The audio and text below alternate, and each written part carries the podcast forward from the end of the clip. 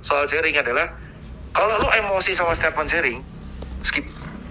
Gak usah diajak debat. Ya biarin dia sesuai narasi. Tapi kan dia berbahaya buat masyarakat bla bla. Itu urusannya Bali. Karena kan nggak bisa urusannya Bali dong. ya emang Karena kan kalau mengatakan mengendorse COVID berarti masyarakat lihat ada orang-orang yang diendorse. Kue, kue. Au. Aduh, Bu, maaf, nggak sengaja. Kaki saya sakit.